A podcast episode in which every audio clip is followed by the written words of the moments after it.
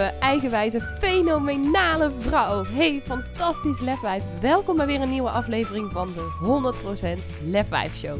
Mijn naam is Lisa van der Veken en in deze podcast deel ik vier keer per week magische meditaties, praktische tips en tools en inspirerende interviews met je om meer van jezelf te houden, meer kracht, vertrouwen en lef te tonen in jouw leven en 100% te gaan staan voor wie jij diep van binnen echt bent. Dus ben jij er klaar voor om je innerlijke lefwijf volop te laten stralen? Dan zeg ik: let's go!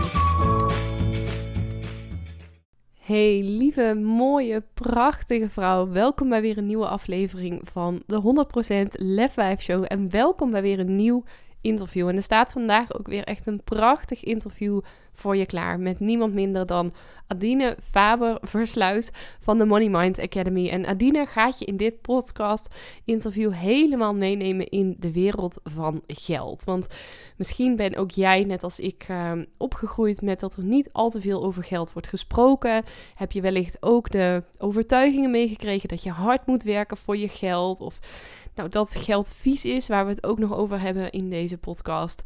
En dat is echt ontzettend zonde, want dat kan je enorm blokkeren in jouw eigen financiële vrijheid. Want Adine heeft de prachtig mooie missie dat ze 1 miljoen vrouwen wil helpen op weg naar financiële vrijheid. En wat die financiële vrijheid dan ook eigenlijk inhoudt, bespreken we uiteraard in dit interview. Maar we hebben het ook over de financiële positie van de vrouw en hoe die is veranderd in de afgelopen jaren, sinds bijvoorbeeld ook de jaren 60. En wat ook de rol is van de vrouw op financieel gebied in deze huidige maatschappij. Hoe wij daarin ook, wij, dus aanhalingstekens, daarin ook neergezet worden. En hoe fantastisch het ook is als je die financiële vrijheid voor jezelf kunt creëren, maar ook wat je daarvoor te doen hebt, stappen die je daarvoor kunt zetten. En Adine geeft je ook een hele mooie, hele waardevolle oefening ook mee in deze podcast. We hebben het ook over de, bijvoorbeeld de acht geldtypes. En hoe je deze geldtypes ook kunt gebruiken om meer inzicht te krijgen in jouw eigen geldverhalen. En daarin ook je eigen belemmerende overtuigingen om ook financieel vrij te kunnen worden. Dus mocht jij meer financiële vrijheid willen creëren voor jezelf, luister dan zeker de podcast ook helemaal tot het eind. En dan wens ik je nu heel veel plezier met dit interview met Adine Faber Versluis. Adine, van harte welkom in de 100% Lef Show. En uh, superleuk dat je hier vandaag te gast wilde zijn. Ja, dankjewel. Leuk dat ik hier mag zijn. Bedankt voor de uitnodiging. Heel graag gedaan. En uh, nou, wij kennen elkaar natuurlijk ook uh, via Smartwheels. En ik heb je podcast een aantal keer geluisterd. Maar er zijn wellicht ook luisteraars die jou nog niet kennen. Dus aan jou de vraag of jij jezelf aan hen voor zou willen stellen. Ik ben Adine, Money Mindset Mentor. En het is mijn missie om 1 miljoen vrouwen te helpen financieel vrij te worden. En eigenlijk alles wat ik doe, draait daarom. Dus ik geef er cursussen over. Uh, ik ben bezig met een boek. Uh, ik heb dus ook een podcast, die heb je dan uh, beluisterd. En ehm, ja, zonder het dan heel lang te maken, eigenlijk alles wat ik doe kun je ook wel vinden via Instagram vooral. op Money Mind Academy. Ja, echt een super mooie missie waar ik ook helemaal achter kan staan. 1 miljoen vrouwen, oh, mijn podcast, de microfoon verschuift. 1 miljoen vrouwen financieel vrij. En dan ben ik ook natuurlijk nog heel benieuwd waar dat vandaan komt en wat financieel vrij dan voor jou inhoudt. Maar voordat we daarmee gaan beginnen, wil ik jou de vraag stellen die ik iedere gast ook stel. En dat is, wat is jouw grootste lefdaad tot nu toe geweest? Ja, ik moest daar echt eventjes over nadenken. Want als ik een beetje terugkijk, dan heb ik best wel Ehm, best wel een aantal lefdaden in mijn leven gehad. Maar ik, ik zat te bedenken welke dan voor mij het meest lef was. En ik denk dat dat toch is um, ja, een goedlopend bedrijf helemaal omgooien. Om compleet wat anders te gaan doen. Zonder, uh, ja, zonder een, een, een duidelijke basis eigenlijk. Ik denk dat ik dat achteraf het spannendst heb gevonden. Dat ik daar ook het langst mee bezig ben geweest qua mentale voorbereiding. Oké, dan maak ik meteen nieuwsgierig. Maar laten we bij begin beginnen. Wat voor goed lopend bedrijf had je? Ja, ik ben in 2007 begonnen met ondernemen als uh, tekstschrijver, vertaler en destijds ook nog vormgever. Dus eigenlijk een communicatiebureau. Nou, dat vormgeven ben ik al vrij snel mee gestopt. Maar uh, ja, het communicatiegedeelte heb ik uh, tot, nou, heb ik zeker tien jaar gedaan. En ik, ik hoefde nooit acquisitie te doen. Ik had altijd vaste klanten die elke keer weer terugkwamen. Uh, goede klanten ook, veel klanten, nooit problemen om werk te krijgen. En uh, ja, daar ben ik toch mee gestopt. En als je een goed lopend bedrijf had met fijne, vaste klanten, nooit acquisitie hoeft te doen, wat maakt dan dat je overwoog überhaupt om iets anders te gaan doen? Ja, eigenlijk vond ik het gewoon niet, niet leuk meer. Ik, ik, ik ben in dat vak gerold omdat ik er goed in was, omdat ik het ook heel snel kon. Ehm, dat zijn ook wel dingen die klanten dan heel fijn vonden. In, in die branche, als je er een beetje bekend mee bent, dan is het uh, wanneer kan je leven? Ja, ja het liefst uh, gisteren. En daar kon ik altijd heel ver in meegaan. Dus op die manier heb ik best wel een hoop opgebouwd. Maar het was wel steeds werken voor een ander. Ook al was ik dan ondernemer, dan bleef het uiteindelijk nog elke keer uh, bijdragen aan de groei van een ander bedrijf en dan ook nog eens heel erg achter de schermen. Dus ik, ik maakte soms wel eens een beetje de grap dat je dan onderaan de voedselketen staat. Want je, je doet iets en het is super belangrijk, want het is de basis van wat er gebeurt. Maar uiteindelijk um, ja, merk je nooit echt heel veel van het grote plaatje. En ja, dat, dat, ik, ik heb het heel lang kunnen doen op gewoon de voldoening van uh, elke keer dat werk hebben, uh, het geld verdienen. Maar op een gegeven moment was het gewoon niet meer genoeg. Het klinkt bijna, en dat bedoel ik niet uh, oneerbiedig, maar alsof je in loondienst was alsnog van andere bedrijven, ook al ben je dan zelf ondernemer. Ja, nou zo voelt het ook wel. Dan, dan, heb je, dan ben je ondernemer en je, ja, je hebt natuurlijk een hoop dingen om zelf te doen, maar uiteindelijk leefde ik wel gewoon heel erg nog op de planning van, ja, noem het uh, 25 werkgevers in plaats van één. En die ene die wilde ik eigenlijk al helemaal niet hebben. En dan is 25 wel een hele hoop, kan ik me zo voorstellen. Ja, en dat is ook maar willekeurig getal hoor. Ik ben bang dat het er nog meer waren. Nou ja, en dat is op zich natuurlijk heel mooi, want ik denk dat heel veel ondernemers daar ook al best wel jaloers op zouden kunnen zijn. Of dat ze denken van, oh, dat zou ik heel graag willen. Maar wat ik wel hoor in jouw verhaal is dat je zei, ik vond het zelf niet leuk meer. En dus wilde je ook wat anders. Maar was er toen al die missie van die 1 miljoen vrouwen financieel vrij? Of hoe is dat ontstaan? Nee, die, die was er nog helemaal niet. Ik uh, moet heel eerlijk zeggen, op dat moment was ik gewoon gemotiveerd om voor mezelf weer het plezier te vinden en, en de groei. En ik had destijds um, privé, zeg maar, een blog over geld. Want geld heb ik wel altijd al heel fascinerend gevonden. Ook hoe mensen erover denken, hoe ze er dan mee omgaan, hoe daar verschillen in zitten en hoe dat ook verschillen in resultaat heeft. Dus ik heb dat al, ja, ik heb dat altijd al heel interessant gevonden. Was ik ook altijd al mee bezig. En daar ben ik in de eerste instantie mee begonnen om dat verder uit te breiden, om, om daar um, ja, nog meer waarde eigenlijk te leveren. Later heb ik daar een uh, cursusplatform aan toegevoegd, omdat ja, in blogs kun je toch ook maar zoveel doen. En die, die missie, ja, dat sudderde eigenlijk al wel, omdat ik gewoon heel erg, uh, ook vanuit uh, mijn eigen ervaringen, weet hoe belangrijk het is om een bepaalde financiële vrijheid te hebben. Um, in geld, maar ook in de manier van denken daarover. En ik ben in, jij noemde al even dat wij elkaar kennen van de Smart Girls. Nou, ik ben vorig jaar begonnen met een mastermind met Marlies Dekkers via de Smart Girls. En uh, ja, daarin zijn we echt heel diep ingegaan op beweegredenen, op waar je vandaan komt en hoe dat allemaal zit. En zo ben ik eigenlijk bij die missie gekomen. Dus dat is eigenlijk nog best wel heel vers. En tegelijkertijd voelt het als iets wat ik eigenlijk altijd al heb moeten doen. Ja, super mooi. Dus eigenlijk zeg je van het, het sluimerde al best wel lang. Je hebt altijd al veel interesse ook gehad in geld. Die privéblog, nou, die zal ook niet voor niks er altijd al of al best wel lang geweest zijn. Naast je werk destijds nog als uh, tekstschrijver onder andere. En dan nu redelijk recent die missie eigenlijk pas verwoord, zou je kunnen zeggen. Want hij was er eigenlijk al veel langer. Ja, ja, eigenlijk heb ik nu pas woorden aan kunnen geven. En dat, daarmee zie ik wel dat alle dingen die ik daarvoor heb gedaan, die sluiten er eigenlijk op aan. Maar ja, dat is echt leuk hè, voor een tekstschrijver, dat het dan gewoon niet lukt om ergens woorden aan te geven, dat je daar dan bijvoorbeeld 15 jaar over doet. Dat is best knap, maar ja, goed. Ook dit niet bedoeld, maar ze zeggen bij de loodgieter lekte thuis. Ja, dus dat, ja. Uh, ja, ja, zelf woorden geven, je bent ergens eigenlijk ook vaak je grootste, of eigenlijk, je bent vaak je grootste blinde vlek zelf. Dus ik kan me ook voorstellen dat dat dan soms ook gewoon wat meer tijd nodig heeft. En dat zijn natuurlijk processen die in jou dan ook afspelen. Dat heb je minder als je voor anderen schrijft. Ja, en het, het is natuurlijk ook nogal wat. Uh, um, 1 miljoen vrouwen. Hoeveel gedachten daar dan weer niet over je heen kunnen gaan van... ja, wie ben ik om dat te doen? En uh, hoe ga ik dat tellen? Enzovoorts. Ook vragen die ik natuurlijk wel krijg. En, en hoe ga je ook... dat tellen? nou, weet je... Um, ik weet niet eens of ik dat heel specifiek ga tellen met een, een teller. Maar de insteek is een miljoen. En wat daar eigenlijk ook aan ten grondslag ligt, is dat ik het gewoon super belangrijk vind. Kijk, oh, voor de luisteraars, ik ben soms een beetje van de hak op de tak. Dus, uh, ik ook, dus dat zijn ze wel gewend van deze podcast. En denk van, oh, oh, wacht even, hier wou ik beginnen. Nee, um, vrouwen die, die van oudsher, zeg maar, in de geschiedenis zijn die heel lang weggehouden bij het hele geldaspect. En om maar even een, een min of meer recent voorbeeld te geven. Um, voor de jaren zestig was als je als vrouw trouwde, werd je handelings uh, onbekwaam geacht. Zeg maar, of dat, werd je gebombardeerd tot dat. Uh, mocht je geen eigen bezittingen hebben, mocht je niet eigen um, rekeningen openen bijvoorbeeld, want dat ging allemaal via die man. Dus vrouwen lopen wat dat betreft wat achter. En niet vanwege zichzelf dan, maar wel vanwege hoe de maatschappij aan elkaar zit.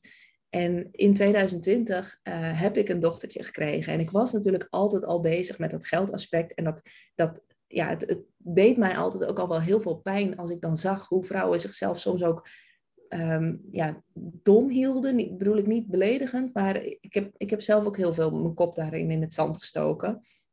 Uh, als het dan gaat om geld, waar eigenlijk het is helemaal niet moeilijk. Het, het, is helemaal niet ingewikkeld. Sterker nog, vrouwen zijn er vaak ook nog beter in, omdat ze daar veel meer um, ja, vanuit verschillende oogpunten naar kunnen kijken. En, maar goed, ik had inmiddels dus ook wel gezien dat het echt niet, niet is dat het allemaal bij de vrouwen ligt, maar dat het ook heel veel maatschappelijk is en dat er, dat er heel veel op ingericht is. Uh, dat bijvoorbeeld de vrouw minder gaat werken zodra er kinderen komen. Of dat, uh, nou, ik had wel hypotheekgesprekken met, met uh, een voormalige partner en dan werd bijvoorbeeld alleen hij aangekeken, terwijl ik daar bijvoorbeeld de geldzaken regelde. En toen, toen ik dus mijn dochter kreeg, toen dacht ik van ja, weet je, ik kan dit allemaal uh, voor andere mensen gaan doen en dat wil ik ook. Maar wat wil ik nou eigenlijk echt? Ik wil eigenlijk echt dat de wereld waarin zij opgroeit anders is. En uh, dat daar gewoon een flinke stap in is gemaakt. En daar zijn dus ook die miljoen vrouwen vandaan gekomen. Dat ik dacht van ja, weet je, met tien vrouwen red ik dat niet. Met 20.000 vrouwen red ik dat niet. Als je echt een beweging wilt maken, dan moet je gewoon voor een miljoen vrouwen gaan.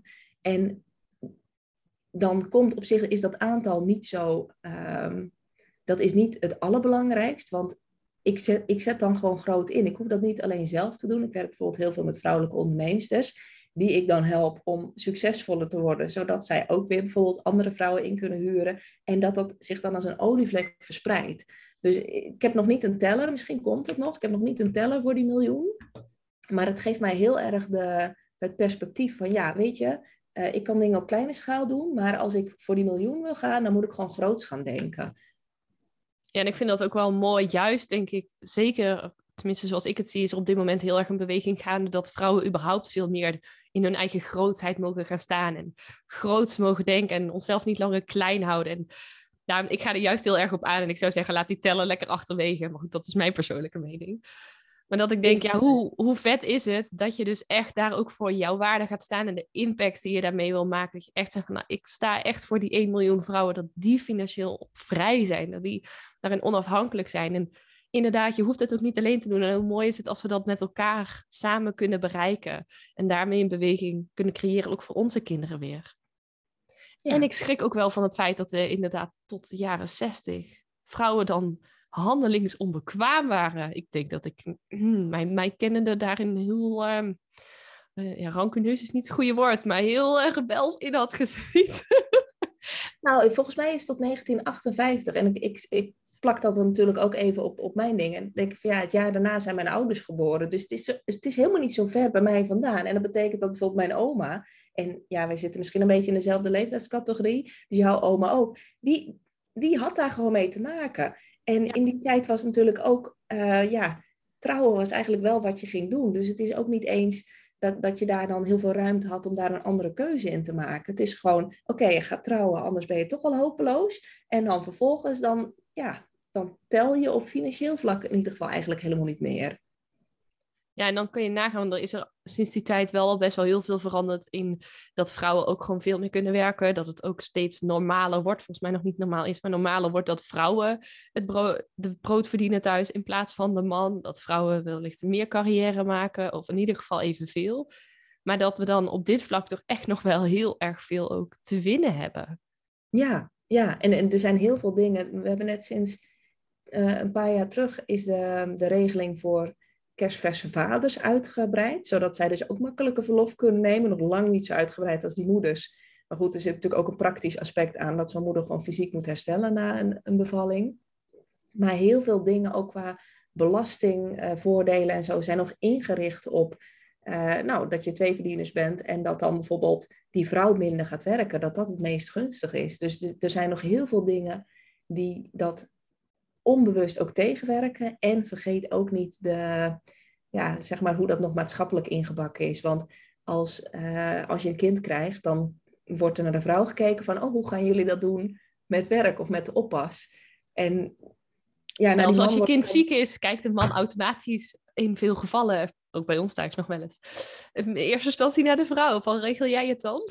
Ja, ja of, of heel vaak, dan hoor je ook wel verhalen. Dan worden gewoon telefoonnummers van beide ouders bij de opvang achtergelaten. Of alleen voor die vader. En dan wordt uiteindelijk toch die moeder weer elke keer gebeld. Dat is ook gewoon zo erg ingebakken.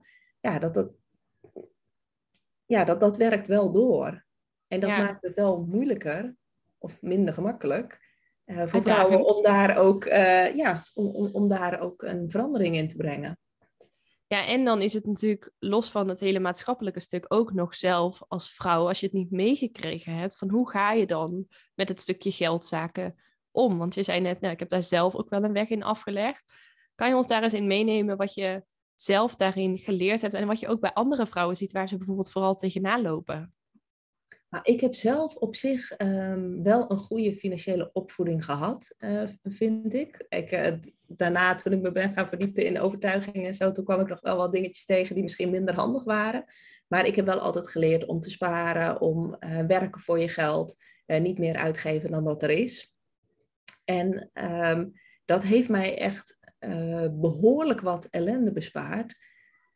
Want ik, ik zal proberen het een beetje kort te houden, maar ik ben op een gegeven moment op mijn 24ste met uh, mijn partner van toen uh, verhuisd naar een hele grote woonboerderij in Friesland. Um, ik kwam uit een nieuwbouwhuis wat het jaar daarvoor opgeleverd was. Dus dan is alles klaar en dan is alles schoon en is alles netjes. En die boerderij, nou ja, ik dacht, uh, lik je verf en dat komt wel goed. Nou, dat, dat was dus één, groot zwart gat. Maar dat was niet de enige. Er zat en een veel hogere hypotheek op. Destijds was de hypotheekrente nog 6%. Dus um, als ik uit mijn hoofd gezegd, was ik ongeveer 2500 euro kwijt per maand alleen al uh, aan de bank. En dat was nog niet eens met volledige aflossing. Holy ik heb crap. het wel eens uitgerekend en aan het einde van de rit zou ik, um, geloof ik, een, een, miljoen hebben betaald aan rente en aflossing voor een huis van pak een beet 4 ton. Dus dat ging dan 2,5 keer uh, ging dat, uh, over de kop. Dus het is echt even een iets andere tijd. En ja, die, die relatie die was niet um, dat was niet, die was niet gezond, zeg maar. Die was niet gezond voor mij. Dus dat, dat liep niet lekker. Um, die hypotheek was er wel. En vervolgens kwam ook nog eens de economische crisis eroverheen. Dus uh, een hoop van die hele goede grote klanten die ik had, die gingen failliet. Tenminste, ze gingen niet allemaal failliet gelukkig, maar downsizen, een aantal failliet. Nou, dan begin je het op een gegeven moment wel te voelen. En toen merkte ik echt, um, dat ik best al wat aan vaardigheden had meegekregen om daar dan mee om te gaan. En ik ben toen heel erg geschoten in een stukje schaarste mindset. Um, dat, is, dat is niet handig, maar dat kwam toen wel heel erg goed van pas. En dan moet je gewoon voorstellen, dan ga je uh, overal de rem op doen, uh, bezuinigen, besparen, waar het maar kan. Ga je eigenlijk heel erg uit van, oké, dit is er. En hoe ga ik daar het beste van maken? En dan sluit je jezelf dus een beetje af voor juist de extra mogelijkheden. Maar het geeft wel een bepaalde grip en een bepaalde zekerheid. En op een gegeven moment toen werd het eigenlijk, um, ja, het, het dus, ik weet niet of dat een goed woord is, uh, financieel. En met die relatie was dat dus ook, um, bereikte dat op een gegeven moment een kookpunt. En dan zit je dus in een hele andere tijd, want nou ja, 6% rente, um, de huismarkt was nog lang niet hersteld. Dus nu heb je natuurlijk een huis kwijt voordat je het überhaupt kwijt wilt. Maar in die tijd was dat, was dat echt heel veel anders. Um, maar ja, wel eentje wat je alleen met z'n tweeën kan betalen. Tenminste, uh, wat de bank op een uh, inkomen van twee personen had verschaft. Dus toen zat ik daar. Ja, wat moet ik dan nu? Dan kan ik kiezen. Um, of we verkopen het. Nou, de situatie was niet echt dat uh, dat ik zag dat het verkoopproces heel soepel zou gaan verlopen.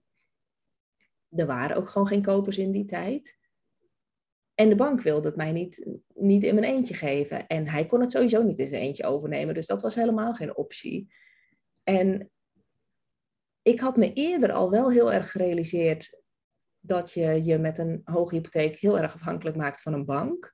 Maar toen kwam het nog eens even extra binnen dat ehm, ook al ga je ergens samen in en verwacht je dat, dat, uh, dat je dat samen draagt, ook daarin is het altijd belangrijk om te kijken uh, ja, wat je zelf kunt regelen en dat je er zelf altijd bij bent. En ik, ik heb altijd die geldzaken geregeld, dus ik, ik ben daar altijd, heb ik met mijn neus bovenop gezeten. Uiteindelijk heb ik het ook weten te regelen dat ik het toch alleen heb kunnen overnemen. Maar als ik dat niet had kunnen doen, dan had ik dus, uh, nou had ik daarna de schuldsanering ingekund. Want dan had ik uh, een huis met een, een dikke onderwaarde. Uh, al het geld van de verbouwing was, ja, dat was dan weg geweest. En ik heb wel eens berekend, ik heb het uiteindelijk later pas weer verkocht. In een iets betere tijd. En toen heb ik bij elkaar al twee ton verlies erop gemaakt. Nou, laat staan als ik dan in dat slechte moment nog had gedaan. Nou, en dan ben je gewoon voor, uh, nou ja, als ik geaccepteerd was voor de schuldsanering, is natuurlijk ook weer een dingetje, maar dan ben je gewoon weer drie jaar van je leven kwijt. Om iets wat misschien ook wel dan te voorkomen was geweest, als je, ja, als je de tools had gehad of de kennis, om daar op een andere manier mee om te gaan. Jeetje, wat een verhaal. Ja, ik probeer het altijd kort te houden. Ik heb echt mijn, mijn best gedaan om het kort te houden. Maar het is ook wel weer, ja, het maakt wel deel uit van uh, waarom ik ook zo voel dat het belangrijk is om dit te doen. Omdat ja, en dat is dus. Ja. Dat is dus enerzijds ook ik hoor je zeggen van, nou, ik heb wel een vrij goede financiële opvoeding gehad in die zin. En ik denk dat we daarin redelijk vergelijkbaar opgegroeid zijn. Uh, ook belangrijk om te sparen. Uh, goed, ook daarin je eigen broek ophouden. Goed uh, om te werken, maar daarmee je geld te verdienen. Maar dan nog, als je in bepaalde situatie uiteindelijk terechtkomt waar je min of meer klem zit voor je gevoel. En de eindjes aan elkaar moet knopen, dan, ja, dan op een gegeven moment dus ook financieel niet onafhankelijk kunnen zijn. Nou heb jij gelukkig de tools toen in handen gehad, maar het had dus ook heel anders af kunnen lopen. Het had heel anders af kunnen lopen. En uh, financieel gezien, maar ook wat ik ook wel eh, bij mensen hoor, is dat ze bijvoorbeeld bij elkaar blijven om, uh, ja, om het geld. En um, ja, ik, ik, ik, ik weet niet of ik hier dan nog had gezeten op deze manier, als, als dat uh, nodig was geweest. Dat was, voor mij, dat was voor mij echt geen optie. En nee, dat is niet alleen financieel, maar ook zo'n impact op jouw persoonlijke leven. Wat het, het, geld dan eigenlijk de hoofdrol gaat spelen, terwijl dat ja, zo'n verkeerde impact dan juist kan hebben ook. Ja, en, dat, en hoe zuur is het als je daarvan afhankelijk bent? Ja, precies. En dat, dat is gewoon, dat, dat heeft enorm veel impact. En dat, dat blijft ook. Dat is niet, uh, ja, je stoot je tenen en het gaat weer voorbij. En dat, ja, dat, dat, dat gaat me echt aan het hart als ik dan zie dat mensen in zo'n situatie blijven zitten, omdat ze geen andere uitweg zien om het geld. En mijn vader zei vroeger altijd. Um, geld is er niet om wakker van te liggen of zo. Dus dat zei hij als ik dan iets uh, uh, duurs wilde kopen en ik wist niet of ik het zou doen. Dan zei hij, nou, je moet er niet van wakker liggen. Dus uh, als, je, als je daar net mee bezig bent, dan moet je het gewoon kopen. Dan ben je daar vanaf. Maar ik heb dat ook altijd geïnterpreteerd als geld is iets praktisch. Dat komt er altijd weer. Maar uh, zeg maar je, je geestelijke gezondheid of je, je lichamelijke gezondheid, dat soort dingen. Ja, dan kan je op een gegeven moment best wel flinke schade berokkenen. Waarbij het herstel heel lang kan duren als het al zover komt. En dat, dat is geld gewoon niet waard. Speelt dat... dat... ook mee in die missie? Dat je juist door die financiële onafhankelijkheid of vrijheid, of je hebt vrijheid noem je het, hè? Ja. door dat te willen creëren, dat je daarmee dus ook rust wilt geven aan die vrouwen op dat vlak, dat ze daar nooit zorgen over hoeven te maken? Ja, dat, dat speelt voor mij heel erg mee. Dat, dat ze zich daar geen zorgen over hoeven te maken en dat je ook voelt dat er een bepaalde persoonlijke vrijheid ontstaat. Dat je bijvoorbeeld ehm, ook dingen voor jezelf mag doen. Je ziet nu heel vaak dat vrouwen bijvoorbeeld geen geld aan zichzelf of aan een opleiding of zo uit durven geven tussen aanhalingstekens, omdat dat dan uit de pot gaat van anderen, van het gezin. Dus dat gaat dan voor hen, voor hun gevoel, ten koste van het gezin. Maar op een gegeven moment, als je dat op verschillende vlakken doet, dan maak je de ruimte voor jezelf zo ontzettend klein, dat, dat je eigenlijk ook ja, als ik het heel ver doortrek, dan ben je gewoon aan het bestaan in je leven. Maar dan, dan haal je niet uit wat erin zit. Maar dan geef je de wereld dus ook niet wat er in jou zit. En nou ja, dat is ook dus iets waar, waar ik dan wel zelf ervaring mee heb. En waarvan ik denk van dat is gewoon doodzonde. Want iedereen heeft, heeft wat te brengen hier. En het heeft helemaal geen zin om jezelf daarin klein te houden of jezelf daarin te beperken. Vanuit ook weer zo'n praktisch iets als geld, wat er eigenlijk altijd is. En is dat zo, dat geld er altijd is? Hoor ik dan meteen de luisteraar ja, ja, nee, die zeker. misschien nog in die angst zit vragen? Zeker, nou, nou dat, dat is het. Als je, kijk, als je vanuit die schaarste mindset... Ik heb daar laatst toevallig ook een podcast over opgenomen. Daar kreeg ik heel veel reacties op. Waarschijnlijk omdat het heel herkenbaar is. Vanuit die schaarste mindset ga je gewoon heel erg uit van, van wat er is. Dus ik heb bijvoorbeeld dit op mijn rekening staan. Kan ik dan de maand doorkomen? Ehm, en dat, dat, dat vind ik aan de ene kant een hele verstandige, ehm, ja, een hele verstandige gedachte. Want ingegeven vanuit het idee niet meer uitgeven dan dat je hebt. Tegelijkertijd kun je daarmee ook heel erg blokkeren uh, in creativiteit om geld te verdienen. Want er is altijd geld. Ik bedoel, uh, ik ben online ondernemer. Als ik vandaag geld wil verdienen, uh, kan ik zo een, een, een, cursus op social media slingeren. Of alleen maar een aankondiging kan ik al doen je, je kan een, gesprek met iemand aangaan en, en daar iets verkopen. Of een, een, een consult of iets. Je kunt met de mogelijkheden die er tegenwoordig zijn, is er gewoon overal geld. Je kunt je zolder opgaan en dingen op marktplaats zetten. Er is overal geld. Alleen je moet het wel zien. En je ziet het dus niet op het moment dat je heel erg gefocust bent op wat er al is en dat je het daarmee moet doen, dat je in die krapte gaat zitten. Ik heb toen bijvoorbeeld mijn halve inrichting verkocht, want ja, ik had het toch niet nodig. Ik bleek gewoon vijf bankstellen te hebben in dat huis. Nou, ik, ik heb maar één achterwerk. Het is een aardige, maar ik heb niet vijf bankstellen voor nodig. dus... en, en wat ik er dan voor terugkreeg, geld, ruimte, veel meer licht soms. Want ik had bijvoorbeeld ook zo'n hele donkere boekenkast. Dus als je maar gaat kijken naar wat er dan wel kan en welke mogelijkheden er zijn, ja, zeker is er altijd geld. En als iemand het niet kan vinden, komt hij maar naar mij, dan kan ik het wel laten zien. Want als je het dan hebt over financieel vrij, hè? als je zegt, nou, er is overal geld, je wil vrouwen ook helpen om die, vanuit dan die schaarste mindset, juist naar, hoe noem je het? Een Overvloed. mindset, overvloedsmindset te gaan. Hoe kunnen vrouwen dan voor zichzelf ook zo'n stukje financiële vrijheid creëren? Want zo'n ja, meubels verkopen of boeken verkopen of iets van zolder verkopen op marktplaats is natuurlijk heel leuk. Maar dat kan eenmalig. Op een gegeven moment zijn die spullen op. En dan? Ja, voor, mij is het heel erg samengegaan met een stukje persoonlijke ontwikkeling. Dus ik ben heel erg praktisch begonnen met al die dingen verkopen. Dan komt er geld, dan komt er ruimte, maar dan komt ook ruimte in je hoofd. En toen ben ik wel gaan kijken van oké, vanuit het idee dat als ik groei, en dat is natuurlijk als ondernemer is dat is die connectie makkelijker te maken. Als ik groei, groeit mijn bedrijf ook. Um, ben ik gaan kijken naar uh, ja, de dingen waarin ik mezelf eigenlijk tegenhield. En ik ben daardoor heel erg op money mindset terechtgekomen. Ik had bijvoorbeeld, uh, ik ben heel erg opgevoed met het idee van uh, er is altijd geld. Als je er maar bereid bent er hard voor te werken en offers te brengen. Same here. Je ja. moet hard werken voor je geld. Precies. En uh, nou, dat, dat heb ik ook altijd gezien. Mijn vader was ondernemer. Die was um, ja, in de drukste jaren heel weinig thuis. Als hij thuis was, was hij back off. Um, ik, ik heb dat zo altijd gezien. En dat betekende dus ook dat ik het mezelf ontzettend moeilijk maakte. Dat bijvoorbeeld het werk wat ik deed in mijn communicatiebureau, dat paste daar perfect bij. Want ik, ik stond meestal om uh, een uur of vijf op. En dan heb ik ook nog eerst een tijd dat ik dan een paar uurtjes werkte. Dan ging ik naar een loondienstbaan nog voor 36 uur in de week. Was ik zeven uur s'avonds thuis en dan werkte ik nog tot een uur of twaalf of één s'nachts. Holy crap. Ja, dus, maar ja, dat, dat, dat was ik gewend.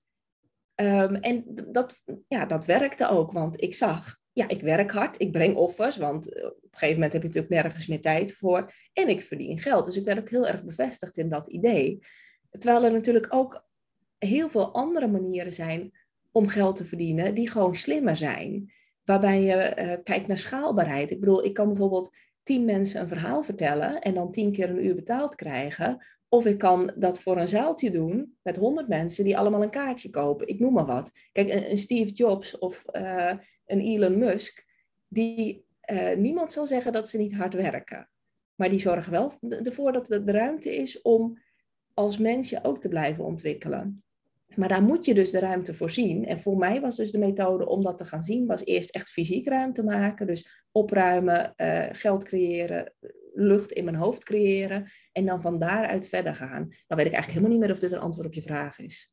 Ja, mijn vraag is, hoe kom je dan dus vanuit die schaarste mindset naar overvloedsmindset? Vanuit, nou, je kan dan dus starten met praktische dingen en daarna ga je dus ook echt op het persoonlijke ontwikkeling, het mentale werk. En dus, zoals ik het begrijp uit je verhaal, die overtuigingen dus ook veranderen. Klopt dat? Ja, ja. ja ik ben daarmee aan de slag gegaan en dat is trouwens ook waar ik mijn klanten mee help. Ehm, en ik kijk dan eigenlijk altijd naar eh, je innerlijke geldtype. En daar vielen voor mij ook heel veel kwartjes uh, rondom die schaarste mindset. Mijn, uh, kan ik daar even kort wat over zeggen? Vertel, ja.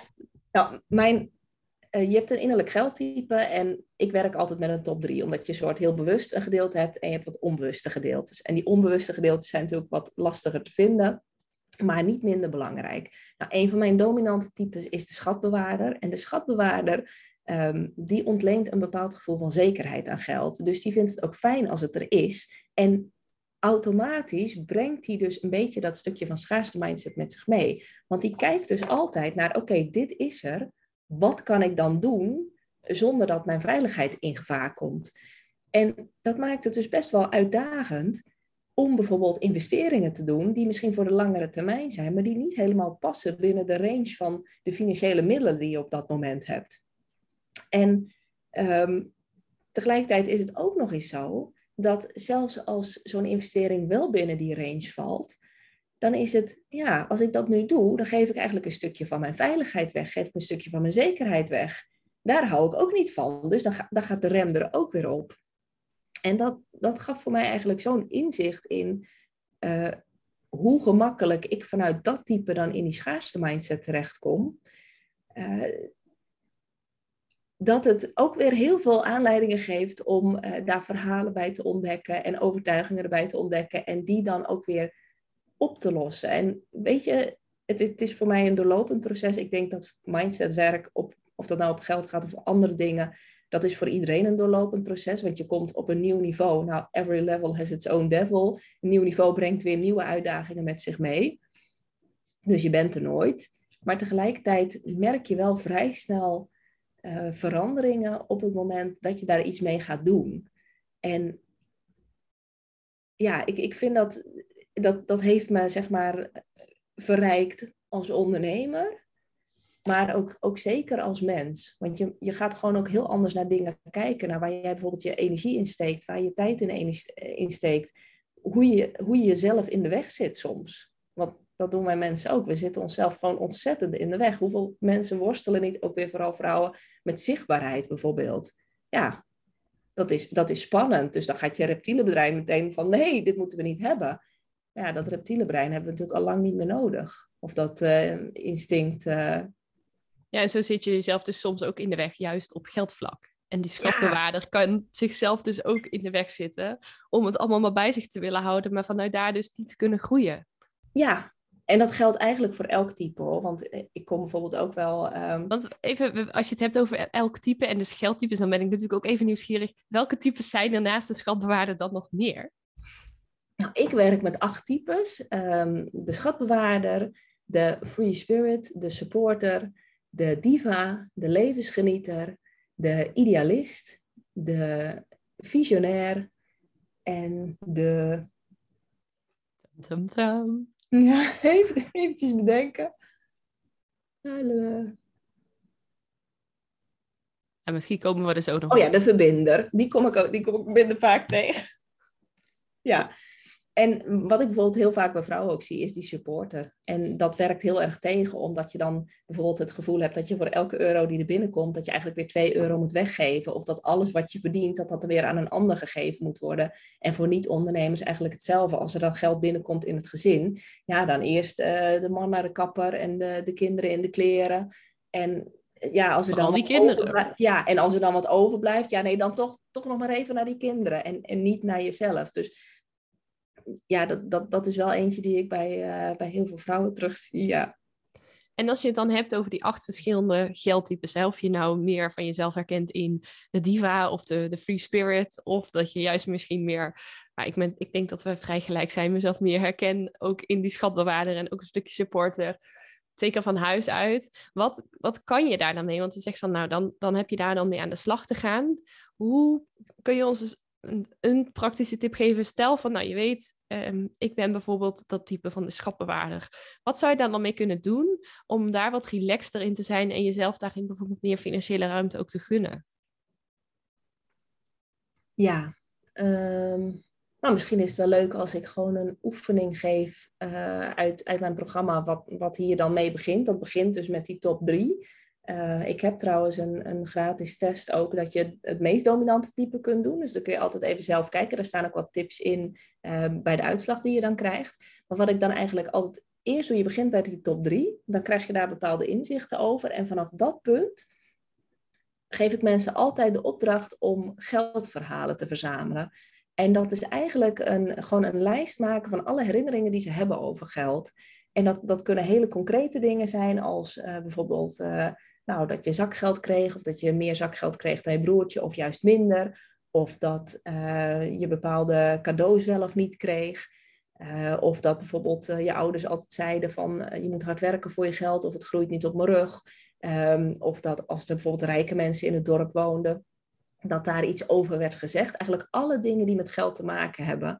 En het, het kunnen ook bepaalde gevoelens zijn. Ik had bijvoorbeeld vroeger, bij ons werd eigenlijk altijd gevraagd van, oh wat kost dat? En dat gaf mij een beetje het gevoel alsof dat het belangrijkst was. Dus als ik dan iets had waar ik heel blij mee was. Ik heb toen ooit eens een keer zo'n hele grote boxset van uh, Freddie Mercury, van de zanger van Queen, gekocht. Um, een limited edition. Ik was 16 en ik was 400 gulden. Dus ik had daar natuurlijk best wat uurtjes uh, voor 5 gulden per uur bij de plaatselijke worstenboer voor gewerkt. En ik had dat besteld en toen na een paar weken was die binnen. En toen heb ik die in mijn rugzak verstopt. Ben ik weer naar huis gefietst, ben ik naar boven gesneakt, heb ik dat ding in mijn kast gezet. Ik heb het nooit laten zien, want ik had gewoon geen zin in dat de vraag was, uh, wat kostte die? En dus dat soort dingen kunnen het ook zijn. Of dat je bijvoorbeeld uh, dingen niet deelt met vrienden of familie, omdat je dan niet hen een, het gevoel wil geven um, ja, dat, daar, dat daar iets zit, zeg maar. Ik hoor het ook wel van ondernemers die het bijvoorbeeld goed hebben gedaan in de coronatijd, dat ze dan eigenlijk dat niet echt willen laten zien, omdat bijvoorbeeld andere vrienden of ondernemers het juist weer uh, zwaar hebben gehad in die periode. En dan een lijst maken met al die verhalen en dat dan weer terugkoppelen naar je type, om, om daar soort verbanden tussen te leggen. Want je gaat op een gegeven moment verbanden en patronen zien. En dat is dus belangrijk om eigenlijk naar de kern van die overtuiging te gaan. Ja, en vanuit daar, als je dat stuk bewustwording dus kunt creëren door die geldverhalen ook te verzamelen en te koppelen aan die types, dan pas kun je het natuurlijk ook gaan veranderen. Want als je niet weet wat er speelt, dan ja, dan blokkeer je jezelf, maar dan heb je geen idee waarin. Ik denk dat dit een hele mooie oefening kan zijn, inderdaad, om daar ook inzicht te krijgen. Terwijl je het vertelde, dacht ik al meteen ook, oh, er zijn zoveel verhalen waar ik überhaupt niet eens bij stil zou staan. Maar ik dacht meteen ook aan inderdaad situaties van vroeger, of een tante die er komt, kijk, kijk, wat denkt er, wat denkt er, wat kost dat? dat, zeg maar. Of gaan pronken met hoe goedkoop iets wel niet is, of uh, nou, dat soort dingen die je dan dus eigenlijk onbewust allemaal meegekregen hebt. Ja, en het, begin het begint vaak echt al als kind. Zeg maar, nou, mijn dochter is uh, net een jaar. Um, hoe vaak daar al niet tegen wordt gezegd als ze geld aanraakt. Oh, dat is vies. Dat is ook iets wat blijft hangen. En dat heb ik echt nog nooit gehoord bij mij in mijn omgeving, weet je dat? Nou ja, niet omdat het vies is, zeg maar, um, omdat je niet, niet met geld iets mag doen. Maar eh, ja, een biljet of een munt, die is een, hun stoppen alles in de mond op die leeftijd.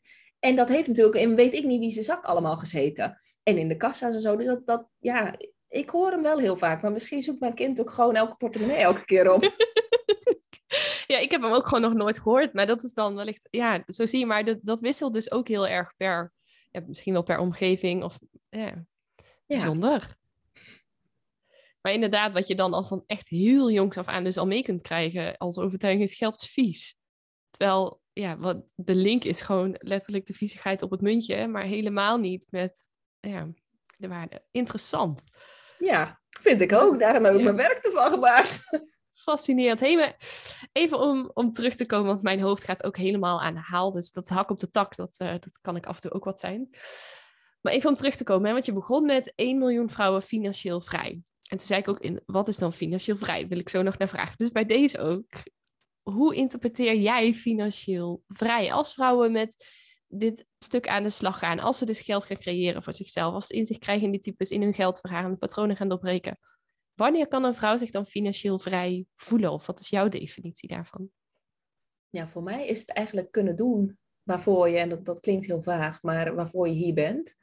Ehm, en, en daar ook de vrijheid in voelen. En het, het dubbel eigenlijk van financiële vrijheid voor mij is dat het vrijheid is waarbij je geen rekening met die financiën hoeft te houden. Dus tegelijkertijd is het ook weer los. Maar ik, ik zie er wel verschillende stappen in. Want ehm, ja, ik geloof dat uh, vier op de tien Nederlandse vrouwen zijn bijvoorbeeld nog niet eens economisch zelfstandig. En economisch zelfstandig ben je als je zeg maar evenveel eigen inkomsten hebt als de bijstandsnorm.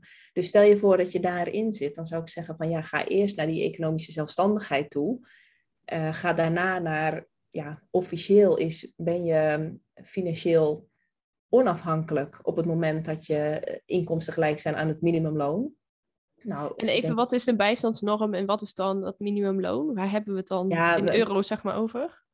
bij uh, bijstandsnorm ligt het een beetje aan, aan de situatie en of je samenwoont en zo of niet. Maar dan moet je rekening houden met ongeveer 900 euro. En dat minimumloon netto moet je rekening houden met ongeveer 1400 euro. Dus dat zijn nog niet de wereldbedragen waarvan je denkt van, oh, dat kan ik ook... Dan, dan ben je misschien op economisch gebied qua eh, statistieken ben je financieel vrij, maar het is niet zo dat je denkt, oh, ik ga lekker de winkel in, ik ga lekker dingen kopen, want ik ben financieel vrij. Totaal nog niet. Dus ik zou daarin voor mezelf wel ehm, ja, verschillende fases eigenlijk maken. Dus ben je economisch zelfstandig, stap 1. Ben je financieel onafhankelijk volgens de CBS-norm, stap 2. En daarna doorwerken naar ehm, wat wil jij het liefste met je leven doen en hoe zorg je dat daar ook financiële ruimte voor is. Kijk, voor mij was dat, daar heeft die lefdaad ook wel mee te maken, uh, was dat dus die zekerheid opgeven en iets heel anders gaan doen, waarvan ik gewoon nog niet wist uh, wat het ging opleveren. Uh, maar waar ik wel nu uiteindelijk, zeker nu ik ook woorden heb kunnen vinden voor die missie, waar ik echt het gevoel heb dat wat ik doe, dat het er ook toe doet en dat het impact heeft op mensen. En dat ik daarmee, uh, ook al is het maar op, op, een relatief kleine schaal, een bepaalde verandering kan, uh, kan bewerkstelligen. En voor iemand anders is het misschien weer de ruimte om de kinderen op te voeden of daarbij te zijn. Of, dat nou voor een man of een vrouw is, dat maakt eigenlijk niet eens uit. Maar de, ja, die, die vrijheid om te doen waar jij als mens het meest vervulling uithaalt, zonder dat je daarin dan zorg hoeft te maken over geld, ja, dat, dat, dat zou voor mij financiële vrijheid zijn. En dat is ook waar ik, ehm, ja, waar ik eigenlijk iedereen met wie ik dan werk, soort naartoe probeer te krijgen van wat wil je nou echt? als je niet naar het geld hoeft te kijken. En dan vervolgens geloof ik wel heel erg dat als je doet waar je goed in bent en uh, waar je hartstikke blij van wordt en waarvan je echt iets toevoegt aan de wereld, dan, dan is geld gewoon een automatisch bijproduct als het ware. Mits je niet die overtuigingen een rol laat spelen natuurlijk. Maar dan komt dat vanzelf. Dus het is niet zo dat je dan uh, uit je eigen pot moet teren. Dat, dat geld volgt. Ja, en het is dan dus ook niet per se een definitie als in een bepaald aantal euro's wat je dan te verdienen hebt, maar vooral kijkend naar, en misschien ook voor de luisteraar als oefening ook een hele mooie vraag om zichzelf te stellen van wat wil ik nou echt? Als geld geen rol zou spelen, wat zou ik dan willen? Hoe zou mijn leven er dan uitzien? En dat je daar dan dus ook naartoe gaat werken en kijken wat daarin de mogelijkheden zouden zijn, hoor ik je eigenlijk zeggen. Klopt dat? Ja, want als ik alleen naar het bedrag zou kijken, ja, dan kan zeg maar uh, iemand die gewend is nou ja, iemand die bijvoorbeeld in Amsterdam woont en regelmatig de deur uitgaat, die kan met 2000 euro veel minder zich financieel vrij voelen dan iemand die uh, op het platteland in een rijtjeshuis woont en uh, waar ook verder niks te beleven is. En daar, zeg ik niks van. Ik woon altijd op het platteland, uh, op plekken waar niks te beleven is. Maar dan hoef je daar ook geen geld aan uit te geven, want het is er niet. En als het elke dag in your face is, is het weer heel anders. Dus bedragen, dat zegt niet zoveel. En heb je een auto, dan kan je weer minder veel met dat geld doen dan wanneer je geen auto hebt. Dus er zijn zoveel dingen die, die eigenlijk, ja, waar je aan voorbij gaat als je het puur aan een bedrag koppelt. Ehm, plus dan zit die focus weer ook op dat stukje geld, terwijl ik juist die, die vrijheid belangrijk vind. Ja, dus het gaat helemaal niet zo om die euro's, maar juist om het gevoel wat je kunt creëren voor jezelf. Dat je je s'nachts niet wakker hoeft te liggen van het geld, wat je vader eigenlijk vroeger altijd al zei. Ja, en als je dat gevoel dus hebt, dan komt dus je creativiteit vaak op gang. En dan zul je merken dat er echt weet ik niet hoeveel ideeën opkomen om dus dat geld wel naar je toe te laten stromen. Dus het werkt juist ook heel vervullend als je daarin zit. Dan is ze zeggen ook niet voor niets natuurlijk, the rich get richer, the poor get poorer. Als je dus dat gevoel van rijkdom hebt, dan krijg je nog meer ideeën om nog meer rijkdom eigenlijk aan te trekken. Ja, en het is mooi dat je die noemt, want ehm, ik ben uh, net, voor het hele corona-verhaal ik, uh, ben ik een keer op tv geweest voor een stukje over armoede. En uh, toen heb ik ook een onderzoek aangehaald wat is gedaan onder mensen die met armoede te maken hebben. En dat een situatie van armoede kost je uit mijn hoofd 10 IQ-punten. Dus dat geeft je het gevoel alsof je eigenlijk elke keer een nacht doorhaalt. Nou, op het moment dat je een nacht doorhaalt, ik weet niet hoe het met jou gaat, maar als ik dat zou doen, dan zijn mijn beslissingen echt voor de superkorte termijn. Dan, dan ga ik niet voor de hele lange termijn. Dan heb je daar gewoon een soort tunnelvisie op nu. Dus als jij in armoede leeft en je hebt dat eigenlijk dat, dat effect elke keer, keer op keer, elke dag weer, dan snap je ook dat als daar een meevallen komt, dat die niet naar de hypotheek gaat of een extra huurpotje of een, een buffer. Nee, die gaat dan naar die plasma-tv. Want die heb je al die tijd gemist, zeg maar. En, en, en dat is korte termijnvisie. En dat, dat kan weer voorbij gaan als je uit die armoede komt. Maar dat zorgt er dus wel voor dat je inderdaad, als je in die situatie zit, dan blijf je daar heel gemakkelijk in zitten. En dat, dat, dat is dus wetenschappelijk op basis van je brein verklaarbaar. En tegelijkertijd, als je inderdaad die zorgen niet hebt, en die creativiteit kan stromen en je voelt daarin de rem niet, ja, dan is er dus eigenlijk wat ik aan het begin ook zei, dan is er altijd geld. En ook voor uiteindelijk, niet alleen voor je eigen leven, maar dus juist ook voor om de wereld met z'n allen mooier te maken. Heel belangrijk om dus met z'n allen die IQ-punten wel te hebben, die rijkdom voor onszelf wel te creëren. Want dat maakt dat er niet alleen creativiteit natuurlijk en rijkdom in je eigen leven stroomt, maar dat je het ook daardoor juist, denk ik, veel makkelijker kan geven, op welk vlak dan ook. Ja, nou dat, is echt, ik, ik haal hem heel vaak aan. Ik word er zelf bijna ook misselijk van. Maar het is echt dat zuurstofmasker in het vliegtuig. Als je niet eerst zelf je zuurstofmasker opge- op, opzet, dan kan je maar een paar mensen helpen. Maar zet je hem wel op, dan kun je vervolgens daar veel meer in doen. En ik, ik zie dat altijd maar op twee manieren. Allereerst is geld gewoon energie. Dus als daar een gelijkwaardige uitwisseling is, dan is dat voor, voor iedereen goed. En ten tweede, um, met geld kun je gewoon andere mensen helpen. En natuurlijk kun je ook op allerlei praktische manieren mensen helpen, maar geld is gewoon een soort neutraal middel wat ingezet kan worden op de manier dat iemand anders dat nodig heeft. Dus stel je voor dat ik heel goed kan koken. Ja, dat is fijn voor al die mensen die graag willen dat ik voor ze kook. Maar iemand die heel erg behoefte heeft aan een winterjas, die kan ik daar niet mee helpen. Maar als ik die maaltijden verkoop voor geld en ik heb meer geld dan dat ik nodig heb, dan kan ik wel die winterjas voor diegene kopen. Ja, en zo kun je dus juist ook door de uitwisseling van geld op allerlei manieren helpen. Dus dat is denk ik ook wel mooi. En daarbij dus ook, uh, vroeger vond ik geld verdienen echt vet egoïstisch. maar dat is het dus ook juist alles behalve. Ja. Super mooi. Maar dat is wel een hele hardnekkige overtuiging. Ja, dat, die is er inmiddels niet meer. Maar dat wil niet zeggen, ik heb hier ook zelf al heel veel stappen in gezet. Maar dat, dingen blijven ook weer inderdaad terugkomen op een nieuw niveau als je weer stappen daarin verder zet. Dus dat, uh... Het is een hele verklaarbare gedachte vanuit de schaarste mindset. Want op het moment dat jij dan meer hebt, dan ga je er eigenlijk vanuit dat een ander automatisch minder heeft. Dus heel verklaarbaar en heel hardnekkig. Maar uh, gelukkig is wat aan te doen. Ja, en gelukkig kun je daar ook echt wel heel veel stappen in zetten, ook weet ik inmiddels. En ook super mooi dat jij daar vrouwen dus ook bij helpt. En juist ook de doelgroep vrouwen, daar sta ik natuurlijk ook heel erg voor me, om die echt ook daarin in hun eigen grootheid te zetten, niet klein te houden, ook niet op financieel gebied. Want volgens mij is dat echt een van de meest ondergeschoven kindjes, ehm, ook van de afgelopen jaren. Dus super mooi werk ook wat je daar uh, mee doet. Ja, en, wel. En nou hebben we daar natuurlijk ook al best wel heel veel over besproken. Maar zijn er dingen die nog niet gezegd zijn waarvan je zegt, die zou ik echt nog wel heel graag ook mee willen geven? Ja, heel veel. Nee, we hebben, we hebben een heleboel besproken. Ik, ik, ik zou gewoon heel graag. Ehm, en ik, ik hoop ook dat we dat bijvoorbeeld met dit interview, dat dat, dat er een bijdrage aan levert. En ook met, met de dingen die ik zelf allemaal doe. Dat je gewoon ook als vrouw het gevoel krijgt dat de ruimte er is en dat het echt aan jou is om die ruimte dan te pakken. Maar dat, dat er, er zijn steeds meer mogelijkheden. Je kunt ook heel veel al ja, op, een, op een hele veilige manier doen. Dat je wat mensen gaat volgen die je inspireren. Dat, dat je bij wijze van spreken gewoon eens gaat zitten voor je geldzaken. Er zijn zoveel dingen die je kunt doen, nog zonder dat je daar echt vol voor hoeft te gaan staan. Als je dat misschien een beetje eng vindt.